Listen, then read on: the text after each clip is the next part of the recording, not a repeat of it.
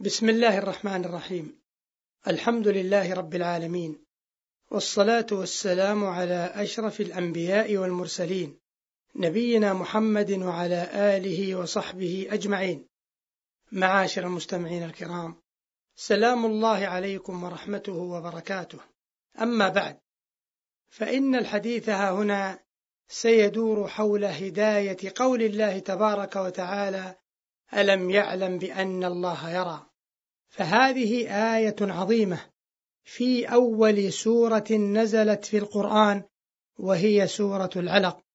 آية تهز الوجدان وتفعل في النفس ما لا تفعله سلطات الدنيا ولا أحدث التقنيات في عالم المخابرات.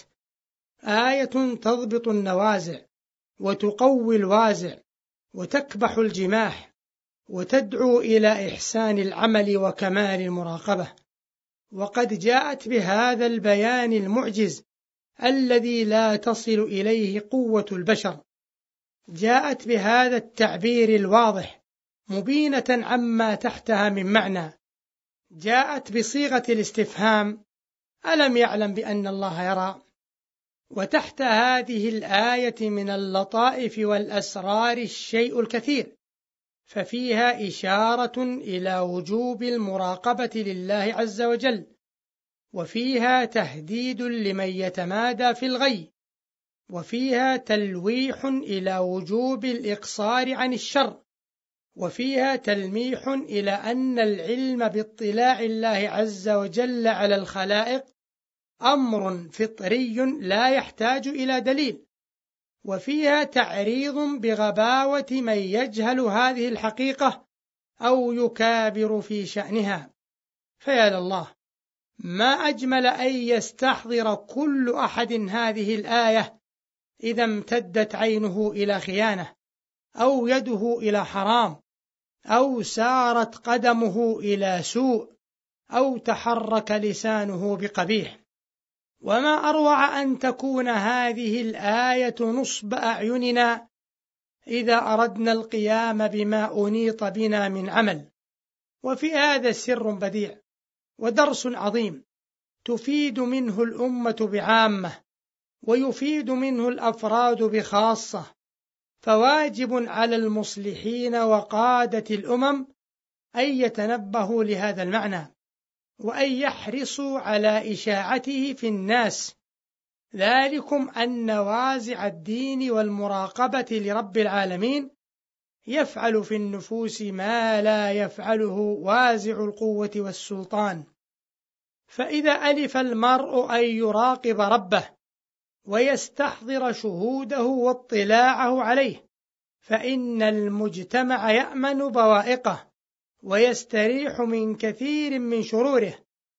أما إذا كان الاعتماد على وازع القوة وحارس القانون فإن القوة قد تضعف وإن الحارس قد يغفل وإن القانون قد يؤول وقد يتحايل للتخلص من سلطانه. لذلك تكثر الجرائم والمفاسد إذا قلت التربية الدينية في مجتمع ما. فإذا أشعنا هذا المعنى في الناس وعمدنا إلى تربيتهم بأسلوب الدين والفضيلة والمراقبة لله عز وجل أرحنا واسترحنا ووفرنا جهودا كبيرة وقد تكون ضائعة في غير ما فائدة. فالمراقبة حارس قوي يمنع الإنسان من التفكير في الجرائم والشرور والتقصير في أداء الحقوق. فلا عجب إذن أن تكون هذه الآية في أول سورة نزلت من القرآن الكريم لكي يكون المؤمن على ذكر من هذا المقام العالي الذي إذا تمثله كان في قبيل المحسنين الذين يعبدون الله كأنهم يرونه فإن لم يكونوا يرونه فإنه يراهم. وتلك هي مرتبة الإحسان. التي هي أعلى مراتب الدين والتي إذا استشعرها المؤمن حال قيامه بعبودية ربه كان عمله متقنا مضاعفا. فإذا صلى مستشعرا ذلك المعنى تضاعف أجر صلاته وهكذا بقية الأعمال الصالحة. ولعل الصيام من أعظم العبادات التي تتجلى بها عبودية المراقبة فالصيام مدرسة لقيام تلك العبودية العظمى. ذلكم أن الصائم يمسك عن المفطرات طيلة النهار فتراه أمينا على نفسه رقيبا عليها في الصغيرة والكبيرة متمثلا هيبة مولاه واطلاعه وشهوده كأتم ما يكون. فلا تحدثه نفسه بتناول مفطر ولو قل. ولا يخطر بباله أن ينقض صيامه ولو توارى عن الأعين. فيصل بذلك إلى مرتبة الإحسان حيث يعبد الله كأنه يراه.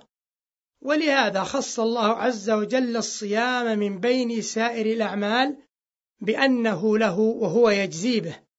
فقد ثبت في الصحيحين عن أبي هريرة رضي الله عنه عن النبي صلى الله عليه وسلم قال كل عمل ابن آدم له.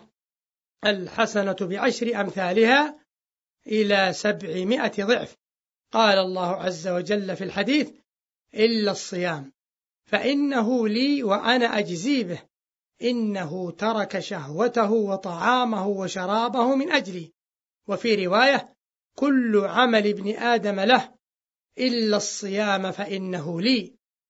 فالصيام معاشر المستمعين الكرام سر بين العبد وبين ربه لا يطلع عليه غيره فإنه مركب من نية باطنة لا يطلع عليها إلا الله وترك لتناول الشهوات التي يستخفى في تناولها في العادة.